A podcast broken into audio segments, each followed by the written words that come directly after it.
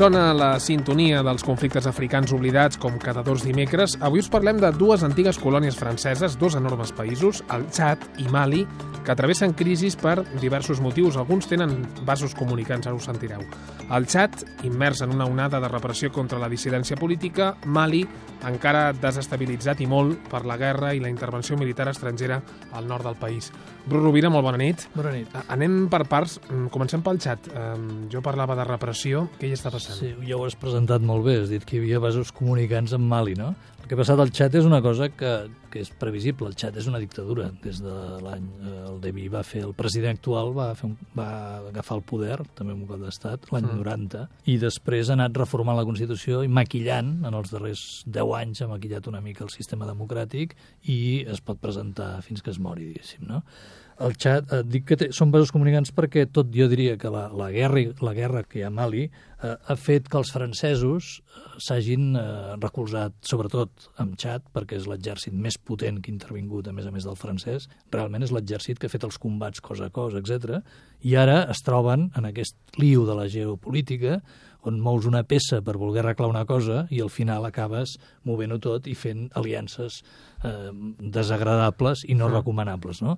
En el cas del xat, ell el que, el que ha passat en aquests... Eh, també quan hi havia els soldats fora, hi ha hagut un intent de cop d'estat, hi ha repressió, hi ha periodistes detinguts, etc. No? Però és un, és un esquema que s'està produint al xat els últims anys i que és simplement perquè el, el president té una dictadura del, del seu grup, no deixa que la societat respiri i després ha fet una cosa terrible que n'hem parlat alguna vegada, que és que tota la riquesa que hi havia del petroli, que hi havia un, com un pacte inclús internacional amb, amb assessorament del Banc Mundial perquè això revertís per la societat, ah. ell amb les excuses primer de la guerra del Darfur i l'excusa ara de Mali també està utilitzant els recursos naturals del país per l'exèrcit. No? Uh, per tant, és un amic que de vegades és incòmode és un per, amic per fatal. França, però, però el manté com a amic. Sí, per perquè el temps que ajuda a França a dir que democratitzen Mali i que van contra el terrorisme, uh. ell es consolida i es blanqueja com a dictador. No? També està ajudant a França a Centràfrica. Eh? Uh. És a dir, que això és una mica l'esquema de la perversió africana, no? que hi ha aliances a vegades de sang no? amb dictadors per interessos que al final són de l'antiga la, colònia. No? Uh -huh. Doncs bé, aquest seria, diguéssim, uh, uh, un dels aspectes geoestratègics que toquen al territori. No? També hi ha una relació, el que està passant al Txad, amb el que va passar a Líbia, perquè el president del Txad està, està consolidant, diguéssim, està armant-se més i tal, perquè diu que hi ha una rebel·lió de gent des de Líbia que el volen invadir, no? Que és el que va fer ell, eh, l'any 90. Uh -huh. O sigui, també està com amenaçat de la guerra a Líbia, que també hem de recordar que és una guerra francesa, que es fa contra Gaddafi, etc etc i que al final ja és també les conseqüències que té tot aquest desgavell a la regió. No? Parlem de Mali, que és una altra guerra francesa. Recordem que fa quatre mesos que va començar aquesta intervenció militar al nord, al nord del país, que van reconquerir el territori sí. els grups islamistes, però la cosa no està ni molt menys resolta. Bueno, ara podríem dir que s'ha entrat a la fase de la segona part de la guerra, que és la guerra doncs, de baixa intensitat contra el terrorisme. No? Mm. I, bàsicament, França té pressa per fer per establir un procés democràtic, que hi hagi eleccions al mes de juliol i que l'Estat es, es creï l'Estat, perquè l'Estat està completament desgavellat també, no? En aquesta segona fase ja s'està veient que tindrem una inestabilitat llarga. Fa poc hi ha hagut dos atentats terroristes potents dintre del país, amb diversos morts. També hi ha terrorisme relacionat amb això a la zona de Nigèria, tocant el llac Txad, una ciutat que es diu Baga, una massacre terrible. Va haver-hi un comando de Boko Haram, que són un dels grups que ha participat a la, a la guerra de Mali, que va atacar un, un comboi policial, van matar un policia i com a represàlia sobre la població s'han matat a més de 270 persones, segons mm. un informe internacional, i s'han cremat 2.275 cases. Això té, també va relacionat amb la regió.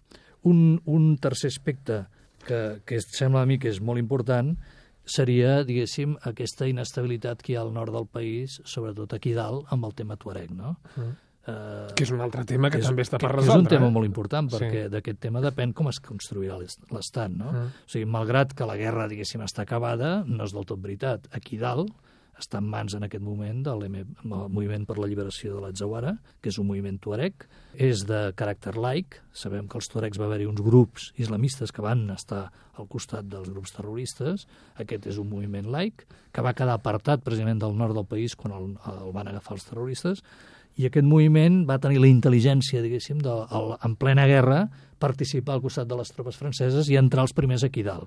Mm. Llavors, ells ara tenen el nord en mans seves, la zona d'aquí dalt. Mm. Eh? Allà no s'atreveix a entrar l'exèrcit de Mali hi ha francesos i hi ha xadians, però els de Mali no hi entren, no? I a sobre estan avançant amb un procés eh, civil, han fet una reunió fa una setmana amb els, amb els jefes de tribu, etc que han arribat a un acord de constituir-se per començar a negociar la seva situació política, que ells mm. voldrien la independència, però en tot cas voldrien un estat autonòmic, no?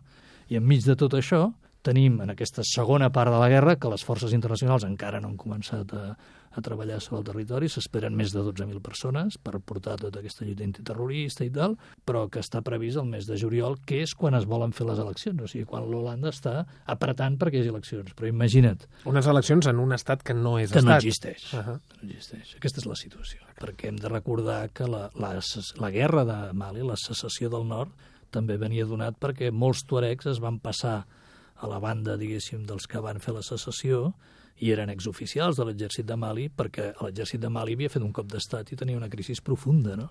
havia agafat el poder, etc. Llavors els, aquests grups tuaregs militars, aprofitant també tota la gent que venia de Líbia amb les armes i tal, es van passar de bando i es van pensar que construirien la independència tuareg i després el que els hi va passar és que els islamistes els van treure, no? Mm. A sobre és una situació, com sempre que parlem d'aquest tema, que és regional, eh? O sigui, Mali en aquest moment depèn també de la regió, depèn de, de, de Nigèria sobretot, depèn de Níger, de Níger molt. L'Holàndia es va reunir, per això té tanta pressa l'altre dia, amb el president per parlar precisament del, de l'urani no? i de totes les, de les mines, no? que estan sí. preocupats de com podran mm. protegir tota aquesta zona. Doncs és la geoestratègia, aquests vasos comunicants que comentàvem al principi. Hem començat parlant de Txad, de Mali, i hem acabat parlant dels tuaregs, de Líbia, de Níger, de Nigèria, de la República Centroafricana, i també hem parlat de Darfur, al, al si, Sudan. Si et sembla jo que soc un gran enemic de les guerres, mm. podríem treure de moment la conclusió preventiva de que quan aquesta, no? de que fer una guerra no és tan fàcil, o sigui, quan tu mous una cosa no? i la mous d'una manera violenta, al final acabes movent molt més del que tu et pensaves, no? Mm. I potser la inestabilitat s'eternitzarà durant bastants anys. Rovira, moltes gràcies, bona nit. Gràcies a vosaltres.